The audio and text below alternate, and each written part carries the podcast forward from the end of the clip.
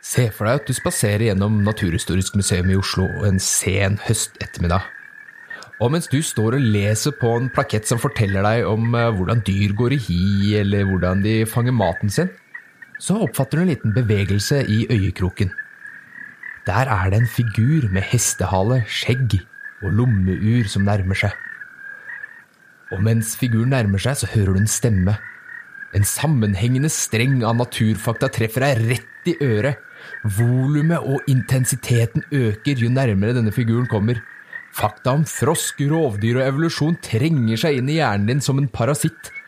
Og så skjønner du det. Det er noe så sjelden som en zoolog du ser, og ikke hvilken som helst zoolog. I dag får eh, Regnskogpodden besøk av et fyrverkeri av en naturformidler, og kanskje det nærmeste du kommer et vandrende zoologisk oppslagsverk. Du kjenner han kanskje igjen fra TV- og radioopptredener, fra bøker han har skrevet, eller kanskje fra utstillingen om homofile dyr ved Naturhistorisk museum i Oslo. Mitt navn er Joe, og i dag får Regnskogpodden besøk av zoolog og museumsformidler ved Naturhistorisk museum, selveste Petter Bøckmann.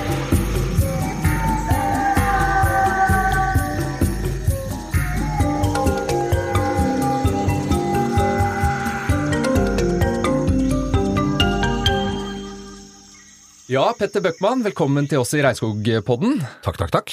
Du har jo kommet hit i dag fordi vi eh, lurer litt på eh, spennende og rare og morsomme dyr fra regnskogen. Men uh, før vi går i gang, så har jeg lyst til å fortelle deg en liten historie. Ok. Ja, For i 2015, da jeg fremdeles var en ung mann, så uh, begynte jeg å studere Eller det vil si, jeg var vel egentlig ikke en ung mann, jeg var jo ganske moden for, for å være student ved Universitetet i Oslo. Opptil flere av oss har vært der. Ja, ikke sant. Ja. Det er noe med det. Ja. Uh, Men da studerte jeg altså biologi ved Universitetet i Oslo. Eh, Og under eh, denne første oppstartsuka, hvor man skal bli kjent med hverandre og kjent med studien osv., så, videre, så kom jeg altså eh, til, borti en omvisning på Naturhistorisk museum. Uff da. Ja, Jeg Og tror der- jeg vet hvor du skal hen nå. Ja, okay, ja, og der møtte jeg altså en uh, mann som troppet opp i uh, bekledelige safari, safariklær, eh, med lommeur, med en rungende stemme og et uh, velstelt, uh, litt buskete skjegg. Eh, Kanskje buskete mer enn velstelt, ja. tror jeg. Det er bare en av oss som har skjegg, så jeg tror jeg vet hvem han er. Ja, ikke sant? Jeg Ja. tror kanskje du kjenner den igjen. Jeg tror Ja, du ser opp opptil kanskje flere ganger om dagen også. Jeg er redd for det. Ja. Eh, Men det som slo meg da, var eh, hvordan du Altså, det er deg vi prater om her. Ja, ja, det, alle har skjønt det nå, har de ikke? Ja, jeg tror det. Eh, Hvordan du klarte å få et førtitalls relativt unge studenter som er helt nye og prøver å bli kjent med hverandre, til å bli musestille og følge med mens du prata gjennom eh, Naturhistorisk museum sine utstillinger. Og det satte faktisk eh, så dype spor i meg som relativt ung student at eh, det er nok en av grunnene til at jeg driver med formidling i dag, og uh, kasta fra meg denne her forskningsdelen. Ikke det at jeg ikke er interessert i å drive med forskning og reise på tur og så videre, men uh, formidling det blei liksom en enda viktigere del. Jeg, har jo hatt det helt, eh, helt likt sjøl. Jeg har jo gått i, på Selsande institusjon, og jeg har også vært på tur på Naturhistorisk museum. og Det å være forsker, det er litt som å være prest. Det er et kall. Du må like å grave deg ned i små detaljer. Og det er, det er en egen type personlighet på mange måter. Altså Man sier at ja, alle kan bli forskere. bla. Nei, det er sannsynligvis ikke sant. Eh, Jeg egner meg ikke som forsker. Eh, Jeg veit jo sånn cirka hva jeg snakker om, men eh, jeg foretrekker å snakke om det istedenfor å sitte og klø meg i rumpa og skrive små artikler om det.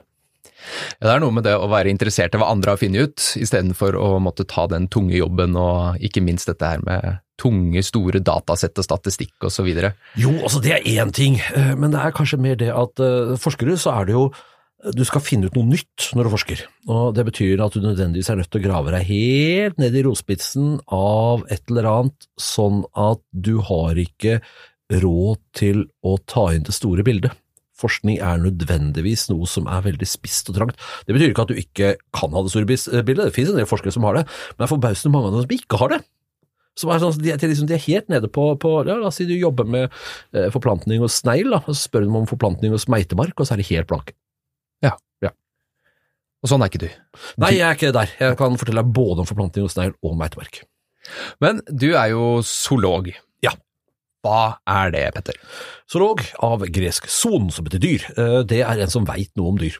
Så jeg er utdanna til å vite noe om dyr, eh, og jobben min er å vite noe om dyr. Jeg har et veldig grei jobb som passer til utdannelsen min. Og hvordan er det du egentlig endte opp? For jeg veit jo det at du er jo oppvokst på østkanten av Oslo. Ja. Uh, det er jo ikke akkurat uh, et episenter sånn uh, Det er ikke villmark, akkurat. Ja og nei, la meg imøtegå det der. Ja. Jeg, er, jeg er heldig, jeg vokste opp helt på kanten av østkanten av Oslo. Jeg vokste opp helt i skaukanten mot Østmarka, så jeg har hatt skauen i ryggen mesteparten av livet mitt. Og Villmark, det er spørsmål om skala. For jeg tenker, ja, nei, det, er ikke, det løper ikke ulv og bjørn rundt, eller løp den gangen ikke ulv, nå gjør det det, i bakhagen hos meg. Men det er nok av ville dyr det øyeblikket du snur på en stein. Mm. Og den mikroverden som er der ute, den synes jeg alltid var dødsfascinerende. Jeg var den gutten i barnehagen som drev og snudde alle steiner og fant skrukketroll og meitebark og tusbein og skolopendere og, og løp til barnehagetante og bare 'hva er det jeg har funnet?' Og de visste jo selvfølgelig ingen verdens ting. Skulle være på tur en gang, og så var vi, gikk forbi ei lita vannpytt, uh, og så hadde vi med et syltetøyglass, de var jo litt lure, og så tok vi et ordentlig syltetøyglass, og så så vi at det var masse rart som levde i vannet. Og igjen, hva er dette, hvem er det, hva gjør den? Uh, ingen kunne svare, og da jeg tror egentlig veien mot biologi startet der. Så for deg så starta det kanskje litt motsatt av hva det gjør for mange andre barn. Altså du starta litt på det mikronivået, og så har det balla på seg. Nå kan du både om mikro og, og store ting, mens Ja, veldig var- mange ser vel kanskje en tiger først, og så blir man snevrer man kanskje litt inn etter hvert. Jeg var jo litt begge deler, for jeg var jo sånn som Tommy Tommy Tigeren. Jeg var jo sånn dinosaurgutt, jeg også. Ja, det var det. Ja ja, selvfølgelig. Kjære deg. Men du, vi skal ikke snakke så mye om dinosaurer i dag, for uh, du har tatt med litt info om, uh, om regnskogsdyr, du. Fortell oss litt om det. eh, Regnskogen er jo et sted hvor det er veldig mange dyr. Ja, hvorfor det? Det er, det er litt flere grunner til det, men kanskje den viktigste, det er at det er samme temperatur året rundt. Det er på en måte bare sommer i regnskogen, det er aldri vinter og høst. Kan tenke deg hvis du er i Norge, la oss si at du er en hva som helst, av rådyr eh, og bor i Norge. Så spiser du gress om sommeren, så kommer vinteren, så ligger snøen seg, så kan du ikke spise gress lenger. Mm. Du er nødt til å skifte kosthold. Eh, Rådyret går over til å spise pinner som stikker opp av snøen, det er, det er rimelig magerkost, det er litt trist. Hvis du er et ekorn, så er du nødt til å samle et lager som du har til vinteren, disse berømte ekornlagerne. Eh, Hvis du er en skjære, kan du spise daue dyr, så det er helt fint om vinteren. Um, men det er dyr som bor i Norge må på en måte bytte beite mellom sommer og vinter, for det er så ekstreme forskjeller på årtiden. Og jo mindre ekstreme de forskjellene er, jo lettere er det å leve på én måte, og gjerne litt smal måte, når du kobler til regnskogen, hvor det er sommer hele tida, så går det an å leve på veldig, veldig smale matressurser. I Norge så har vi ett pattedyr som lever i trærne, to. Det er ekorn og mår. Mm. Så har du 50 apearter i en regnskog, fordi det er noen spiser nøtter, noen spiser blomster, noen spiser frukt, noen spiser slik frukt, noen spiser sånn frukt. Og fordi det er sommer hele tiden, så er det alltid frukt å spise. Du kan ikke være ape i Norge. Ok, du kan, eh, på, på høsten så går det fint, du kan bo i Hardanger og plyndre eplehøsten der og, og kose deg. Kommer vinteren, sulter i. Ja. Ja, eh, I regnskogen er det ikke sånn. Og det gjør at det er så mange rom for måter å leve på. En, en art, en dyreart, er egentlig bare en samling av løsninger på dyrs grunnleggende problem å finne seg mat, unngå å bli spist av andre og få formert seg. Altså, samlingen av de utgjør på en måte artens liksom, samlede måter, og det er klart, da lønner det seg ikke å blande seg med en annen art, bla, bla, bla, du har barrierer, hele suppa. Men effekten av det er at de kan være smale i regnskogen, og så kan de ikke være det i, hos oss. Og så er det selvfølgelig, for det er midt på jorda, så er solgangsstrålingen helt annen, så det vokser veldig mye mer i regnskogen. Dermed så er det også mer, altså si sånn, næringsmessig plass. Det gir jo for så vidt eh, ganske god mening hvis du er som du sier da, hvis du er et eh, rådyr om å spise gress, så eh, konkurrerer du jo kanskje mot eh, noen flere da, i løpet av eh, vinteren når du plutselig må skifte kosthold, eh, i motsetning til at du kan spise Nei, noe av det er, samme. Nei, det er ikke konkurranse. Det som skjer med rådyr, er at de sulter i hjel med magen full av mat, for den er uf ufordøyelig. Mm. Jo lenger nord du kommer i verden, eller jo, jo hardere vær og vind er, da, Mm. samme gjelder for så vidt i ørkener, jo færre konkurrenter har du, men jo vanskeligere miljø har du. Mm. Jo lenger sør, eller jo, jo, lenger, jo enklere livet er, jo enklere er maten å spise, men jo flere konkurrenter har du. Og det konkurranse fører til at dyr spesialiserer seg på en eller annen måte. La oss si at du, du spiser en eller annen frukt, da. Så er det, du er en liten apetass, og så lever du et tre, og så eter du frukt, og så kommer det en annen ape som spiser det samme. Og så er den litt større enn deg, så er det lettere for deg å spesialisere deg på å ta de små tingene. Da, har du, da får du mindre konkurranse fra den store enn hvis du prøver å spise all frukt. Ja, ikke Og dermed så, så ender det opp med at du har, plutselig har du to typer aper. Du har en som spiser store frukter, en som spiser små typer. Så kommer en ny ape. Den begynner å spise mellomfruktene, og så kommer en ny ape, og den spiser, begynner å spise de grønne fruktene. Bla, bla, bla, bla, bla. Så baller det på seg, og fordi det er sommer hele tiden, så er det der faktisk mulig. Prøver du det i Norge? Nei. Her må du kunne spise mer eller mindre hva som helst. Du må kunne spise pinner hvis du er et rådyr. Ikke sant. Ja. Da er jeg nysgjerrig. Hvilke dyr er det du har eh, tenkt til å prate om her hos oss i dag? Jeg har egentlig mest lyst til å snakke om krokodiller, for de syns jeg er utrolig kule. Og nå kjente jeg at jeg ble helt varm om hjertet. Ja, det er, krokodiller er eh, supertøffe, og det kommer litt tilbake til det jeg sa om at jeg var sånn saurusgutt da jeg var liten. Ja. For krokodiller er, de er nesten dinosaurer. Og eh, vi snakker jo det her, ja, men fugler er dinosaurer. Nja, fugler stammer fra dinosaurer, eh, men en fugl er en sorry excuse for en dinosaur.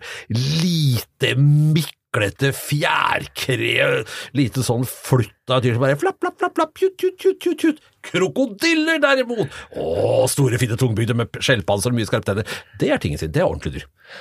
Disse byduene er altså en litt sånn dårlig arvtaker fra, fra dinoenes tid. Byduer Ja, har i hvert fall en litt kul tilpasning med at, de, at de bor i byer, men, men øh, nei, krokodiller øh, Jeg husker jo, hvis jeg spoler tilbake til våre studiedager, så var det sånn at vi hadde sånne systematiske prøver vi skulle gjennom, skulle vi identifisere dyr. Da. Får forelagt etter en sånn der bløtt og illeluktende fra sjøen, og så bare sånn, ja, det er en bla, bla, bla.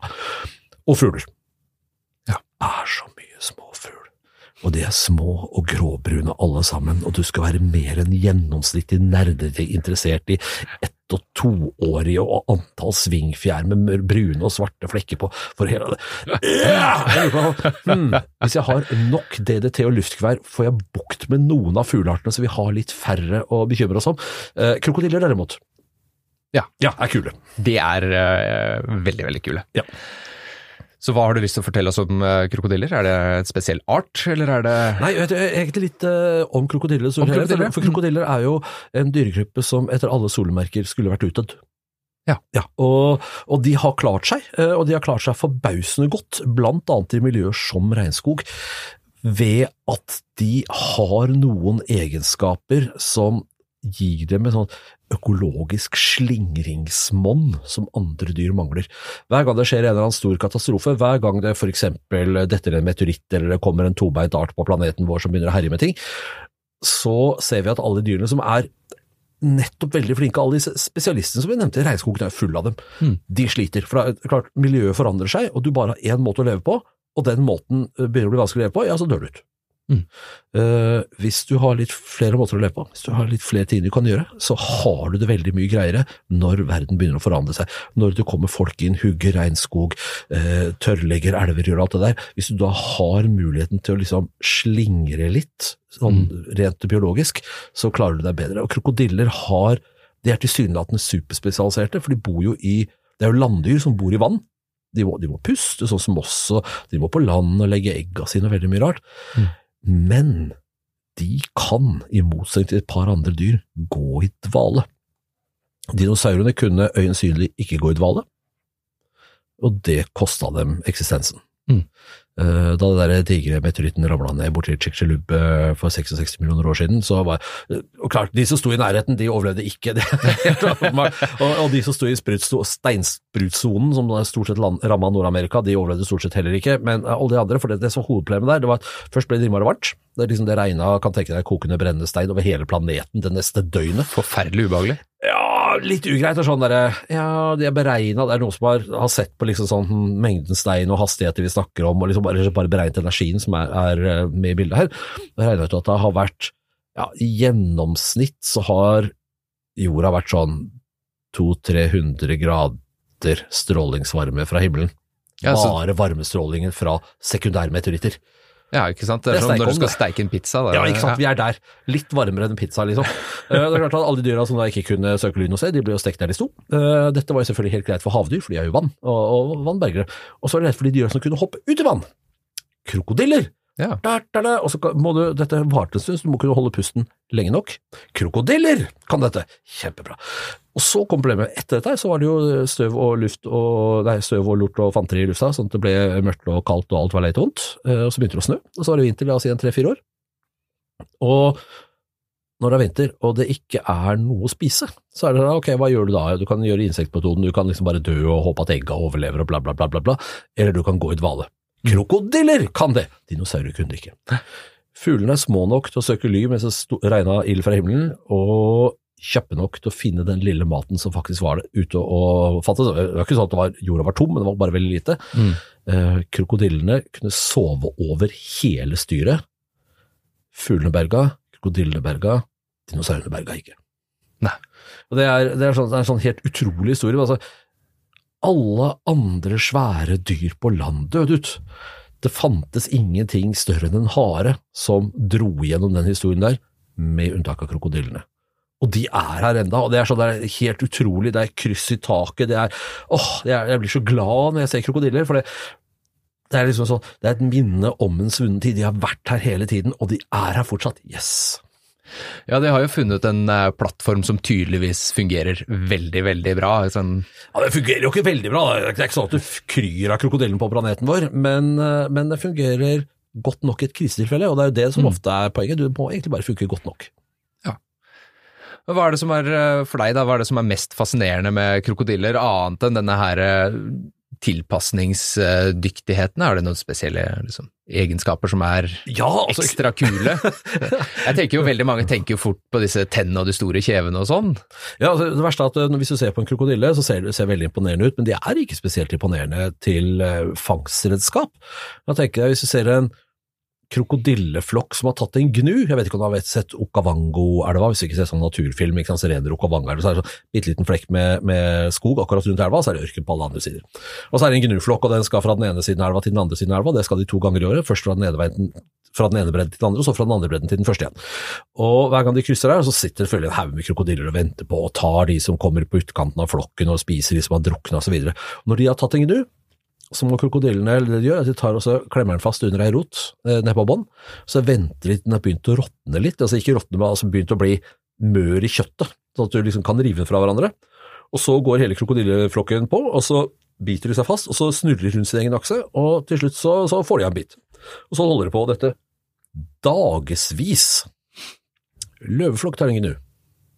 Mm. Hopper på den, biter den i hjel. Eh, I løpet av ettermiddagen så er det i bunn og grunn bare skjelett igjen. Og så kommer, det, så kommer det noen sjakaler og napper det lille som løvene ikke har klart å spise av, og når de er ferdige, så kommer det sånn hulepinser, som egentlig er en gnager, panser pansra gnager, og så spiser de opp selve skjelettet. Det er det pattedyrtennene får til. Krokodillene er ikke i nærheten. Det er ikke imponerende. Vi tenker på det som imponerende, for det er så innmari mange tenner, men det er ikke imponerende. Krokodiller er et veldig primitivt tallsett. Mm. Det det som krokodillene har, som ikke er primitivt, som man man kan bli litt sånn overrasket over, det er at vi ser på krokodiller som litt sånn teite og sløve, og de ligger stort sett bare der og gaper og sånn, men eh, de er jo ikke det i virkeligheten. Det er bare det at krokodiller har, som andre krypdyr, de har evnen til å stille om mellom to sånne kroppstilstander. De gidder ikke varme seg opp hvis de ikke må, Mm. og når de ikke er varma opp, så er de ikke kjappe, eh, ikke utholdende, ikke spesielt intelligente heller, de bare ligger der, som sagt, og, og, og, og gaper. Men når de må, så kjører de opp kroppstemperaturen, så plutselig ser du at de finner på forbausende glupe ting, og de kan være ganske kjappe, og, og de kan gjøre De kan har sett paring hos krokodiller, det ser helt sprøtt ut, der legger altså hannkrokodillen seg i elva, ser for, ja, de har sikkert gått og sagt til hverandre og viser fram masse tenner, sånn som man regner med at dyr av den typen gjør. Mm. Nei, nei, de synger, de synger som frosk, bortsett fra at de synger i vann. De, de lager en lyd med kroppen sin, så får hele greia til å vibrere, så det står sånn reinsprut opp fra ryggen på dem, det ser helt sprøtt ut.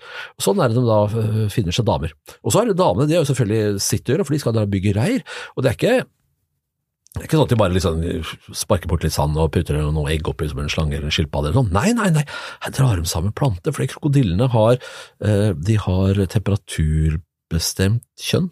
på disse egga sine. Så for at det skal bli en sånn cirka-blanding av gutter og jenter, så må mor legge på halvråtne planter og ta bort halvråtne planter, fordi halvråtne planter produserer varme under forråtnelsen. Det er sånn de justerer temperaturen.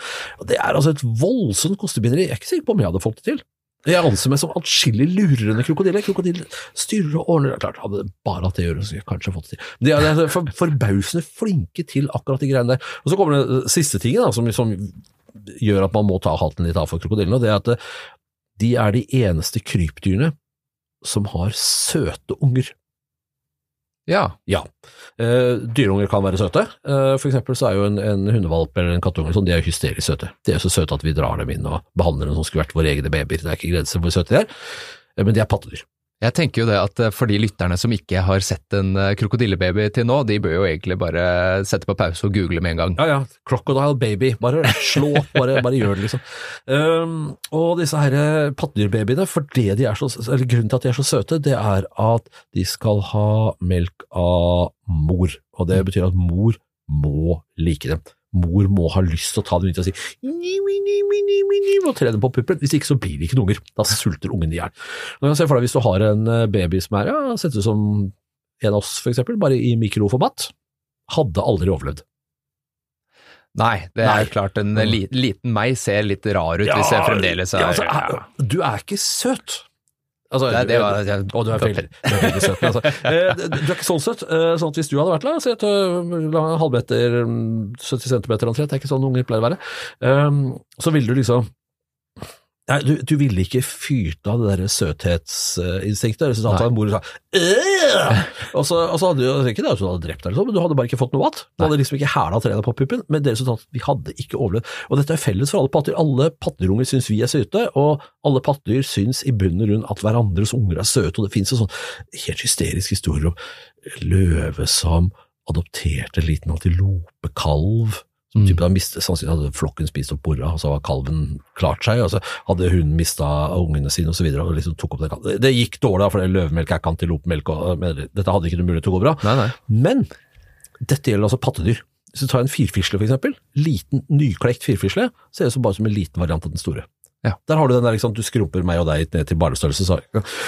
Eh, Men ikke krokodiller. Krokodilleunger har store øyne, kort snute, eh, er litt rundere i formene, akkurat som det vi pattedyrbarn er når vi er små. Og Grunnen til det er at de lever under mors beskyttelse. De er, ikke, de er relativt hjelpeløse. De er ikke så harry bitt og, og alt mulig sånt noe, sånn at når de skal vokse opp, for at de ikke skal bli spist opp, så må de bo hos mor. Ja. Og da må mor like dem. Og det er utrolig med sant, og det er sånn, det er sånn biologisk eh, halleluja-øyeblikk. Det er de samme trekkene. Det er de samme trekkene som syns at, gjør at vi pattedyr syns at våre barn er søte, som gjør at krokodillene syns at deres barn er søte. Mm. Dette gjelder ikke alle. Eh, Det er en del fugler for eksempel, som ser helt forferdelige ut som små. Det er jo monsterdyr. Har du sett hegereunger? Da, begynner, da begynner vi å nærme oss dinosaurer av, av usauer. Ja, okay, ja. de ser sånn som små velociraptorer med lang trut. De ser helt grusomme ut. Eh, Men hegermor er bare sånn 'Å, de er så fine, vær så god, her er en frosk til deg'.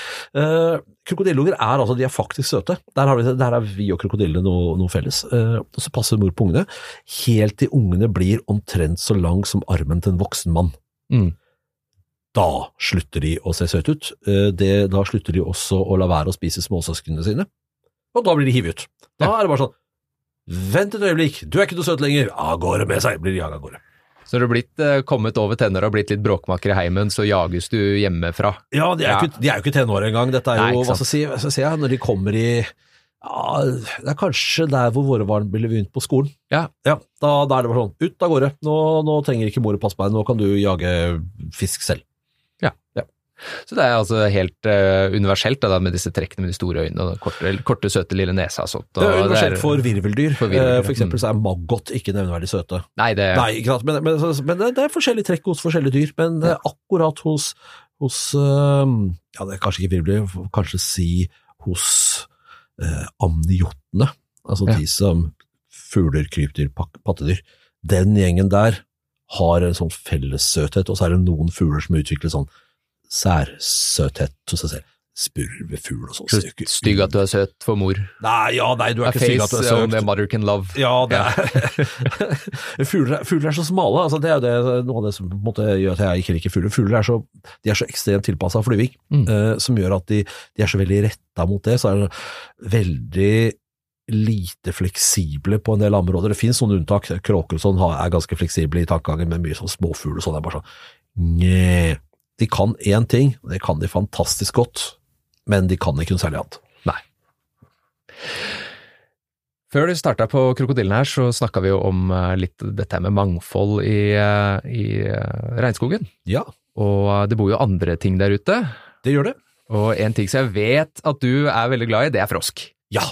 Jeg tok hovedfag på frosk. Jeg er jo, det er jo det eneste jeg egentlig kan noe om. Eh, Jeg er faktisk en patrokolog, sånn at alt det andre det bare ljuger jeg om. Jeg er ganske flink til å ljuge, men eh, frosk er det eneste jeg egentlig kan liksom sitte med sånn jeg si, hånden på pondus og si at dette kan jeg. jeg er, Da jeg var ferdig utdanna, så var jeg Universitetet i Oslos ledende uh, froskeekspert. Jeg var også den eneste.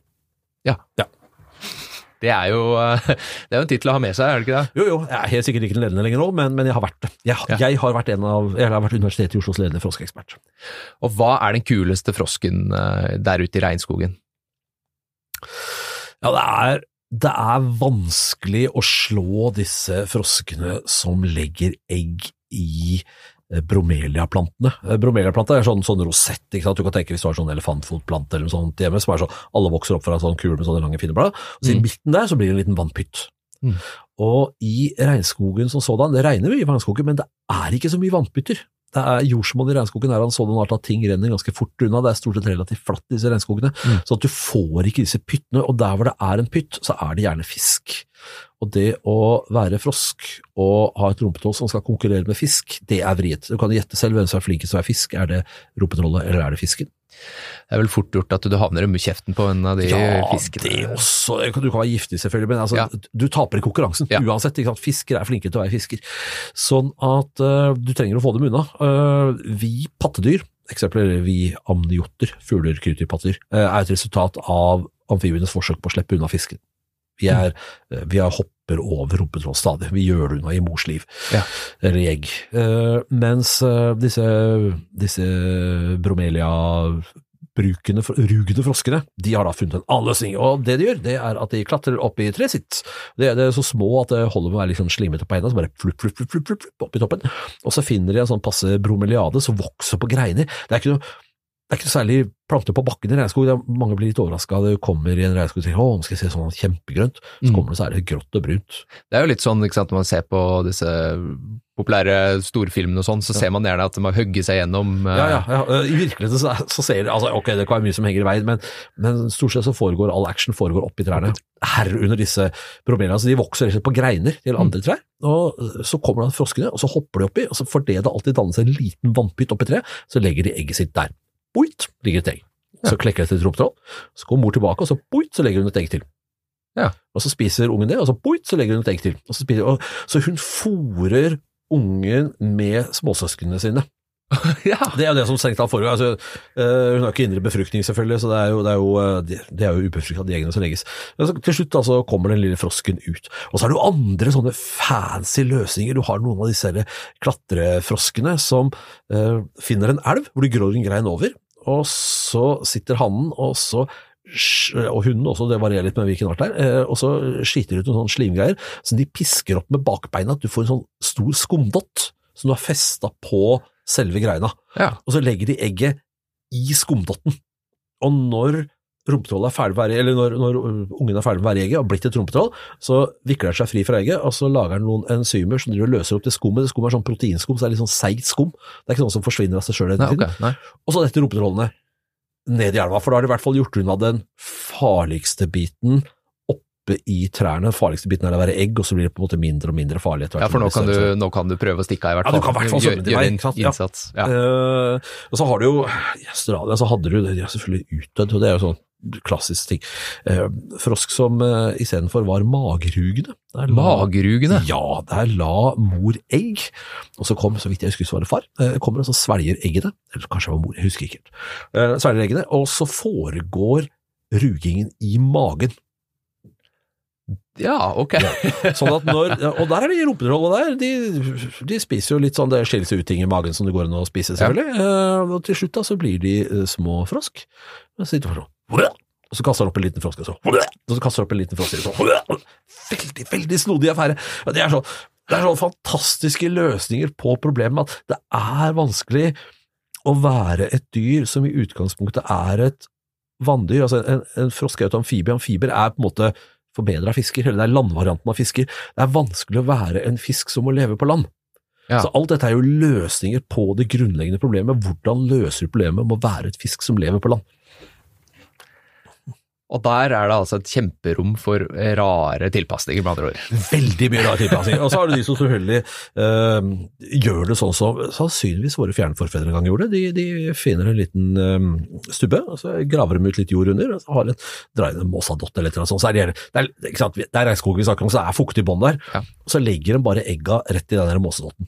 Og så ligger eggen der, og så gjennomgår rumpetrollene hele fosterutviklinga i egget, sånn at det som klekker av eggene, det er ikke et rumpetroll, det er en liten frosk. Ja, ok. Ja, og det, og det, det er nok en løsning. og det, Vi er jo egentlig sånn, eller nå er jo vi levende fødda, men la oss si en firfisle er jo egentlig sånn. altså Den, den legger egg, og så foregår hele rumpetrollstadiet i det der egget. Det som er hovedproblemet med å drive og legge egg på den måten, det er egentlig ikke fuktigheten, for med fuktigheten kan du løse med å ha en våt mosedott. Mm. Og det er i noen grad oksygen, karbondioksid, altså du skal ha oksygen inn og karbondioksid ut, men det er jo ting som diffunderer ganske greit av seg sjøl. Altså, diffusjon i tilfelle våre lyttere ikke er helt inne med diffusjon, så er Det kan det være greit å definere akkurat. ja, ikke? Det, er, det er alle stoffers eh, iboende tendens til å uh, flytte litt på seg. Ja. Så hvis du, hvis du eh, tar et glass med saft og så slipper Nei, et glass med vann, og så slipper du litt saft i den ene enden, så vil det altså Til slutt så blir sånn, hvis du lar det stå en stund, så blir hele glasset saft.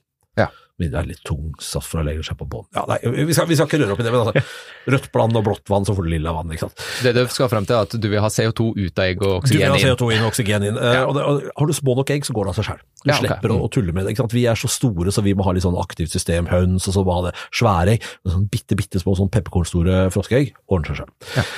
Det som er problemet, det er at fosteret skal jo bruke noe. Den bruker jo plomma. Og når den har brukt opp plomma, så blir det det som det vanligvis blir når man spiser plomme. Da blir det bæsj. Ja.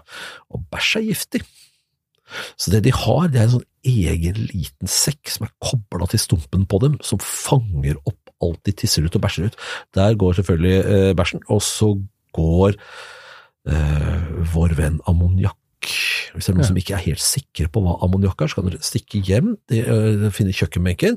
Hvis jeg er hjemme hos mor og far, så under kjøkkenbenken så er det helt sikkert en grønn flaske som står salmiakk på det. Ammoniakk løser opp i vann. Mm. De jekker opp korken her, så de gjør sånn. Ikke gjør det, men hvis dere gjør det, så glemmer dere aldri hva ammoniakk er. Eh, og dette stoffet er heller ikke fryktelig sunt, det skjønner dere veldig godt når det står om ammoniakkflaska. Eh, det er noen sånne tegninger på han har ikke drikk dette. Og, og dette må oppbevares på seg, og det, det oppbevares i den der lille posen under her. Så det, eh, du må på en eller annen måte løse det problemet, og for det du da er på land, og selv om, egg, selv om egget ditt ligger fuktig, så blir du ikke kvitt det på samme måte. Nei. Så det er faktisk det store. Der ligger den store bøygen, Så det er veldig få frosker som får til akkurat det. Og det er selvfølgelig andre som gjør sånne snedige ting. De, de eh, finner et sted hvor det er en, en grunn dam, og så går de ved dammen og så bygger de en liten sånn, ja, litt mur nærmest, så bare sparker opp jord og, og sånne ting. Eh, sånn at du snører av en liten bit av dammen, så lager du en liten sånn sidedam. Så legger de eggene der. Ja. Og så, så lenge eggene er egg, så klarer de seg helt fint der. Og når det blir rumpetroll, så kommer mor og far, og så sparker de stykker demninga, og så svømmer rumpetrollene ut i den store dammen. Ja, så lager de litt av barnehage, Ja, eller sånn barnegrind? Ja, eller hva skal vi si, eggegrind. Eggegrind, Ja, det øyeblikket de blir rumpetroll, så er de nødt til å ha litt mer mat. her. er Ja. De må være aktiv som gjør at det blir litt annerledes. Ja. Nei, så det, er, det er fryktelig mye rare måter å leve på. og ja, Vi tenker på her hjemme på berget. Jeg fant ut, ja, Da ungene var sånn ja, du har valget, vil du studere reinsdyr, eller vil du studere småfugl? Reiser bare sånn, hm, har jeg lyst til å ligge uke etter uke på Hardangervidda og fryse og ha det vondt og jeg er litt makelig anlagt, så jeg var sånn, nei, jeg tror kanskje ikke det. Og så var det der småfuglen, jeg bare sånn, åh, jeg orker ikke mer småfugl. Uh, så jeg bare sånn, nei, jeg vil drive med frosk, jeg driver med amfibier. Vi er vant til å tenke på frosk som liksom sånn uh, marginale dyr, som liksom, kanskje ikke så vellykkede dyr, for det er ikke så mange av dem. Og? Mm. Så har vi to, art, to arter med frosk, den vanlige frosk og damfrosken, og så, nei, unnskyld, vanlig frosk og, og spissen ut av frosk. Og så har vi damfrosken i ett tjern nede i Arendalsdistriktet hvor man holder sin klamme hånd over og passer på at ingen kommer og ødelegger for dem. Det hemmelige hemmelige det hemmelige frosketjernet. Og det, og, det er de, og det er da en av Det er to typer av disse vanlige froskene. Du har den brune utgaven og så har du den grønne utgaven. Og dette er da den eneste av de norske froskene som er den grønne utgaven. Men akkurat den gruppen vi har hos oss, er brune. Så vi har tre nesten, altså liksom bare sånn, nei, tre litt miklete frosker. Er det så rart? Frosker tåler ikke vær og vind og bla, bla, bla, bla, bla. Når du kommer til regnskogen, hvor det er sommer hele tiden, så er det helt annerledes. Vi er vant til en verden hvor pattedyr er den dominerende dyregruppen, og fiber er en sånn liten, miklete also run-type gruppe. Kommer til regnskogen, så er det jo enorme mengder av dem. Det Mm. er eh, flere arter frosk enn det er pattedyr i regnskogen. Hvis du ser på biomasse, altså bare målt i sånn mengden dyr, hvis du drar til et annet sted hvor det også er regnskog, det er kjølig regnskog, men likevel, oppe i Appalachians, Mm. der er det sånn at du har noe som heter lungeløse salamandere, små sånn trådformede dyr, og så, så små at de bare tar den diffusjonen bare rett gjennom huden, gidder ikke liksom gjøre noe ordentlig da. Der er det regnet ut, der er biomassen av salamandere større enn liksom alle pattedyr til sammen, og det er bare Og det er den samlede vekten av, av Samlet, hvis jeg har samla opp absolutt alle dyra, så har jeg lagt det i én skål, og så alle pattedyra i en annen skål, så hadde liksom, salamanderskål har vært mye, mye tyngre. Wow. Ja, det, det er mye av det, og det er sånn, vi ser ikke det, for vi, liksom, vi er vant til forholdene her på berget, hvor vinteren nødvendigvis gjør at det er litt vrient å være amfibie. Og det, dette forteller oss noe. Det forteller oss at amfibier i utgangspunktet egentlig er en tropisk dyregruppe. Dette er i utgangspunktet en tropisk syregruppe. Disse oppsto i sumptida, tilbake i, ja, før karbon til og med. I sannsynligvis tropiske områder, sopiske, tropiske områder hvor det ikke var spesielt kaldt. Og så har hun funnet veien opp hit. Så har hun funnet veien. Det, ikke sant? Og vi, vi lever jo helt på yttergrensa av hvor det er mulig å leve som amfibier. Eh, kommer du nord om Altså Når du kommer helt nord i Norge, så finner du ikke amfibier lenger. Da er det slutt selv på frosk. Eh, og lenger nord så er det ikke mer. Så den nordligste amfibiearten, det er vanlig frosk. Den vanlige randa temporariaen som vi har. Det er den aller nordligste froskearten. Og det er liksom det ekstremfrosken på mange områder. Kommer du sørpå, så finner du alle de froskene som ikke er ekstreme. Ja. Og der er det sinnssyke mengder av dem. Ja. Da har vi vært gjennom eh, altså, først litt spennende slash søt, og så har vi snakka litt om, eh, om rare løsninger. Altså først krokodiller og deretter eh, froskene. Ja. Har du noen gode eksempler på ting som eh, er mer gjenkjennbart for de av oss der ute som er mer pattedyrorientert? Det er jo klart at Det eh, er masse pattedyr i jungelen nå, men Ja, for du og jeg er jo kanskje litt rare som er veldig glad i, uh, i uh, Nei, disse det er de som er vanlige, det er alle de andre som er teite. Uh, unnskyld. Ok. Eh, jo, det er, det er selvfølgelig pattedyr i jungelen, men det er ikke så veldig mange av dem. Eh, og eh, igjen så er det sånn at vi er, vi er vant til å leve i en verden hvor pattedyr er dominerende, og, og, og krypdyr og amfiber er liksom sånn, litt sånn miklete ting. Eh, men det har nok muligens litt å gjøre med at vi bor på de få områdene hvor pattedyr har en ubestridt fordel. For det vi er jevnvarme og klarer oss i veldig mange vær- og føreforhold, så har vi en fordel her. Kommer du til ørkener hvor vannmangel er det store, så er det krypdyr som dominerer. Kommer du til regnskogen hvor det er vått hele tiden, så er det faktisk amfibiene som dominerer i veldig stor grad. Mm. Mens pattedyr i stort monn er henvist til å spille rollen som tredyr. Så du har en vanvittig pattedyrfauna i trærne, og så har du lite på bakken. Det finnes elefanter i Afrika, skogelefanter. Det finnes eh, noen flodhester som vaser rundt i elvene som er under her. Du har noe sånn dikk-dikker og sånn annet småtteri, men stort sett så er actionen som foregår fra pattedyrsiden i en jungel, den foregår i trærne. Ja. Og, der har vi jo, vi har jo flere apegrupper. Eh, Vi har tre stykker eh, som er verdt å nevne. Du har de søramerikanske apene, og så har du de eh, afrikanske slash asiatiske apene, og så har du menneskeapene. Som er sånn tre cirka like gamle grupper. Vi er litt mer beslekta med de, hva skal jeg si, øst... Nei, jo, østapene enn vi er med disse litt sære borti, eh, borti Amerika. Det er liksom sånn sære, greiene aper. Men det er det, eh, og aper har jo et stort liv, de har et spennende liv. Dette er dyr som lever i en kompleks verden. Vanlige dyr, la oss si en antilope på sletta i Afrika, den har, den må bekymre seg om hva som er til høyre, hva som er til venstre, hva som er foran og hva som er bak. Hva som er Mm. opp og ned er fullstendig irrelevant. Ja. Så en ape så er det ikke sånn. Du har to, to retninger til å bekymre deg om, med det resultatet at det rett og slett er mer hjerne på aper. Ja. De må ha mer hjerne fordi de beveger seg i et miljø hvor selve miljøet er mer fysisk komplekst. Aper må nødvendigvis være mer fleksible. og jeg ser jo det at Noen av dem er fryktelig, fryktelig lure. Hvis du bor på det er et eksperiment som man har gjort, hvis du bor på noen av disse jungeløyene nedover i Sørøst-Asia Du, sant? du har tre svære jungler i verden. Du har liksom den søramerikanske, så har du den afrikanske, og så har du den sørøstasiatiske som er spredd på øyer. Og der er det Aper har samme problem som alle, får ikke nok mat. Eh, så hender det at forskerne gir dem ris. Ris? Ris, ja. For det er sånn vanlig sånn hvit sånn kokeris, sånn som vi er vant til. Og det, det er jo greit, for det, det er litt vanskelig å få med seg alle riskornene. Apene blir sånn å pelle, og du, du skal observere, og du skal telle hvor mange var det i den flokken, og, og er det noen som mangler, og bla, bla, bla. Og da, da trenger du at du har dem samla på ett brett en stund.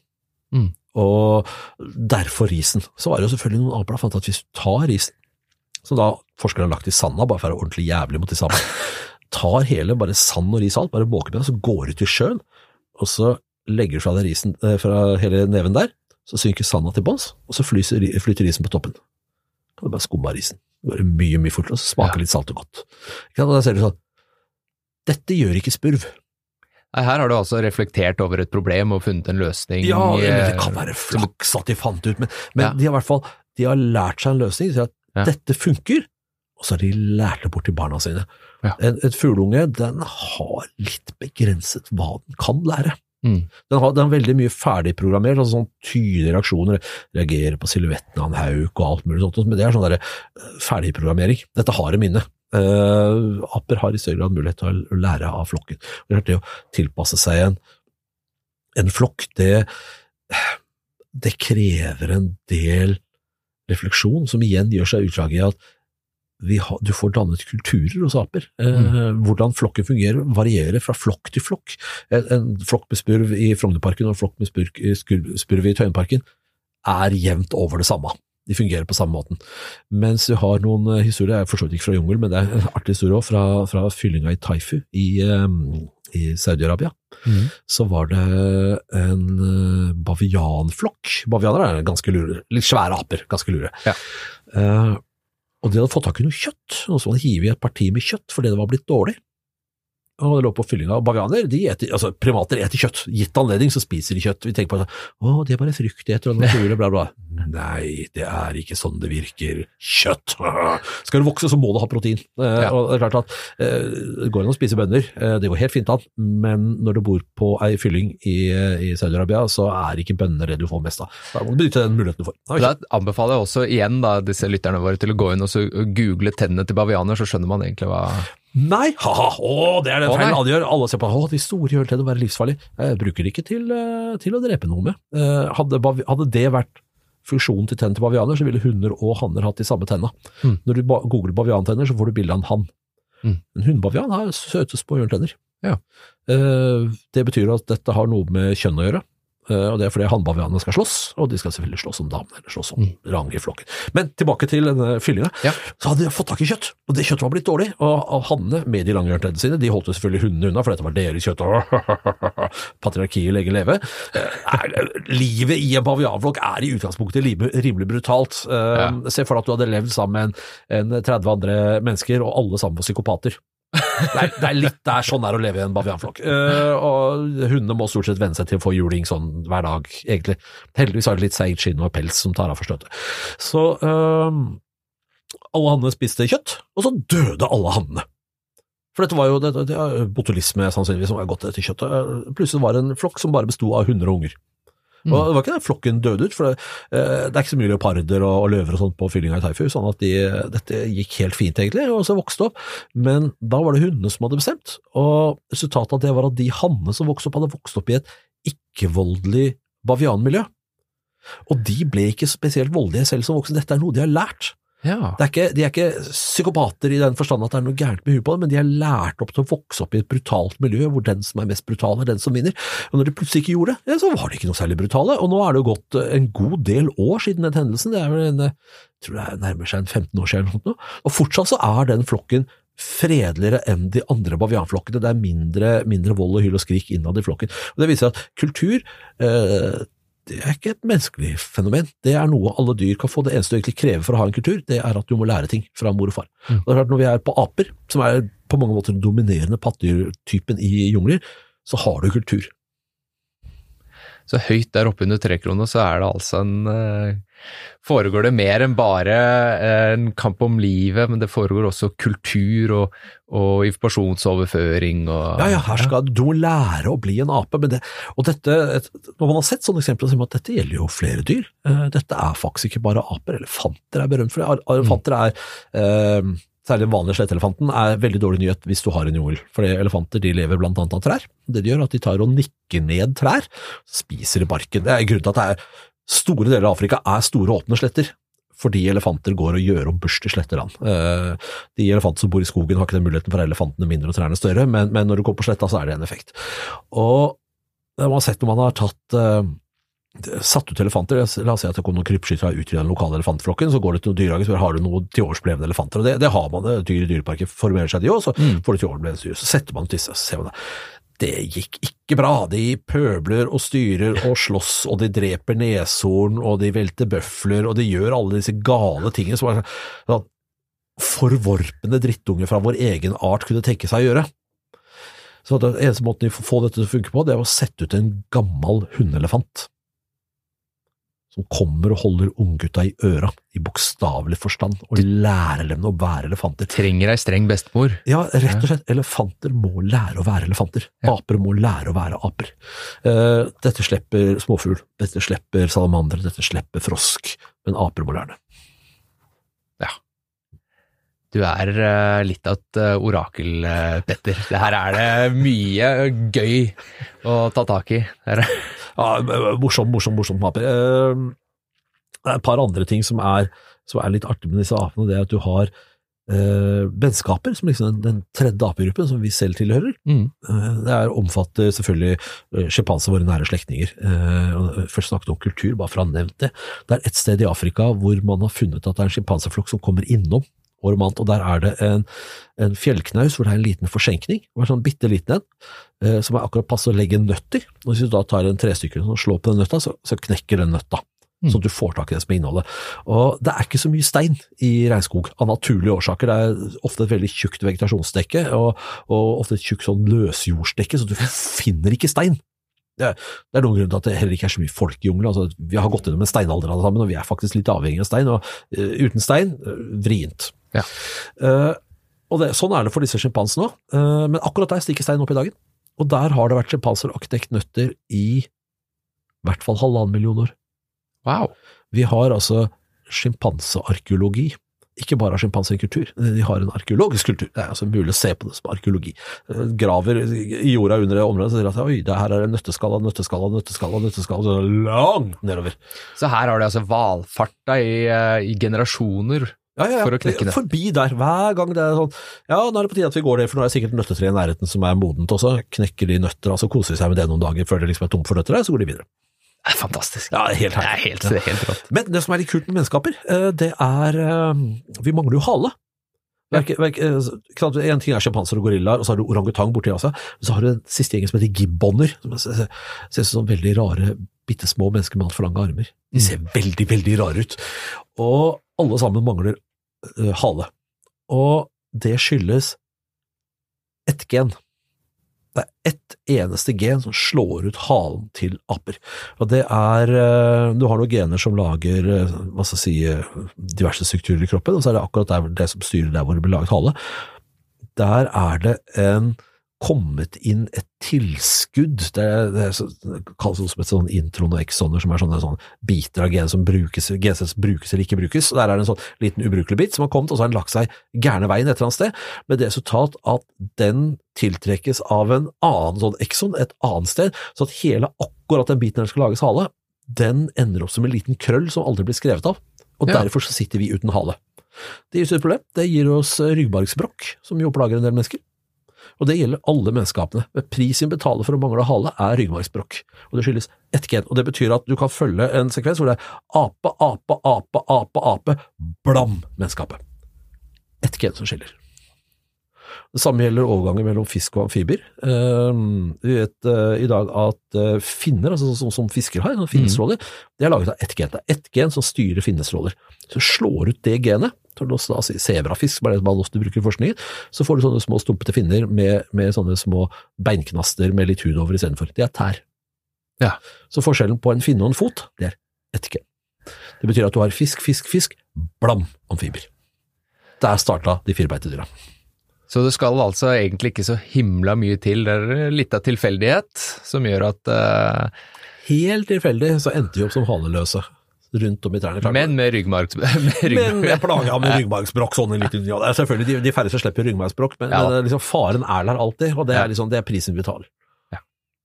Så fikk vi kultur istedenfor, Eller i tillegg. Ja, vi fikk kultur. Vi, vi, vi beveger oss på en annen måte. Du kan tenke deg en sånn vanlig ape som lever oppi trærne. Ehm, De, de løper bortover greinene. Mm. Og så har de lang, fin hale, og så hopper de og styrer med halen. For det vi mangler hale, så må vi klatre. Og vi er, vi er en klatrende apart, altså vi, liksom, vi holder fast på armer og bein på en helt annen måte, disse apene som løper bortover. Du kan se når en, sjimpanse eller en orangutang går, så ser du at de, de krøker fingrene på hånda når de går på fire bein. De går ikke på flate håndflaten, sånn som en bavian eller makakk vil bevege seg. Nei. Eh, Og det er for det, det er for utgangspunktet har, altså dette er spesialredskap for å, å klatre med. Og det har gjort oss gitt oss muligheten til å utvikle oss til den arten vi er, og også gitt oss muligheten til å bli mye større enn de andre apene. For klart, du må, når du må klatre, så er det ikke lenger noe økologisk press på å være liten og lett. Nei, det er klart. Vanlig ap, ape er jo altså, toppen 30 kilo, liksom. Stort sett ja. er de mye mindre enn det der. Kanskje bare en 5-6 kilo. Uh, mens mennesker, gorillaer, altså vi er, vi er oppe i 40, 50, 60, 70, 80 kilo. Vi er mye, mye tyngre Mm. fordi vi er en klatrende art, istedenfor å være en løpe på greinene-art. Du, nå har jo vi fått eh, masse gøy eh, dyreinfo her igjen, og når vi begynner å nærme oss litt eh, slutten. Men eh, jeg lurer på en siste ting, og det er hva er ditt favorittdyr i regnskogen? Oi, Da satte jeg deg litt på eh, det er jo så mange kule dyr. Eh, oi, oi, oi, oi, oi, oi, oi, oi, oi, oi, oi. Hmm, la meg tenke meg om. Jo, jo, jeg har et lite favorittdyr, og den bor i regnskogen i Sør-Amerika. Ja. Der bor det et dyr som folk blir veldig forvirra når, når de møter den, for den ser ut som den kanskje er en ape, men så er den ikke en ape. Det Helt åpenbart ikke en den er for lang nese, lang, lang spiss nese. Det er pattedyr, eh, og så den er veldig flink til å klatre, og så ser den kanskje ut som en grevling, for den har sånn grevlingnese, men det er ikke en grevling heller. Eh, og så Nå er ser jeg den begynner jeg å bli spent her. kanskje ut som en mår, men måren er også kortnesa.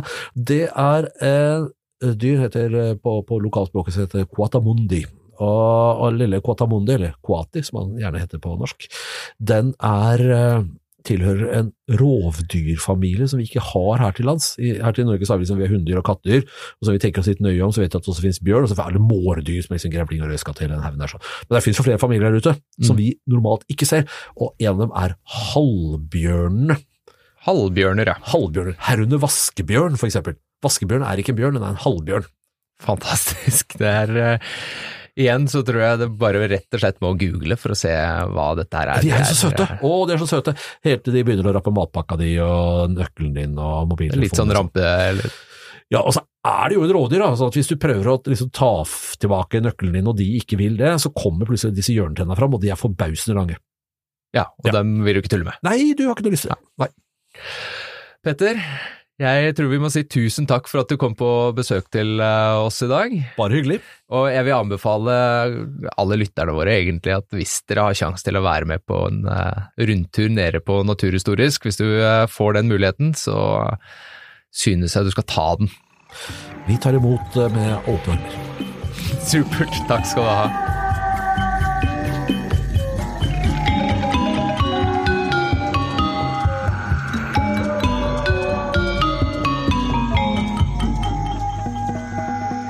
Du har nettopp hørt på Regnskogpodden, en podkast produsert av Regnskogfondet med støtte fra Norad.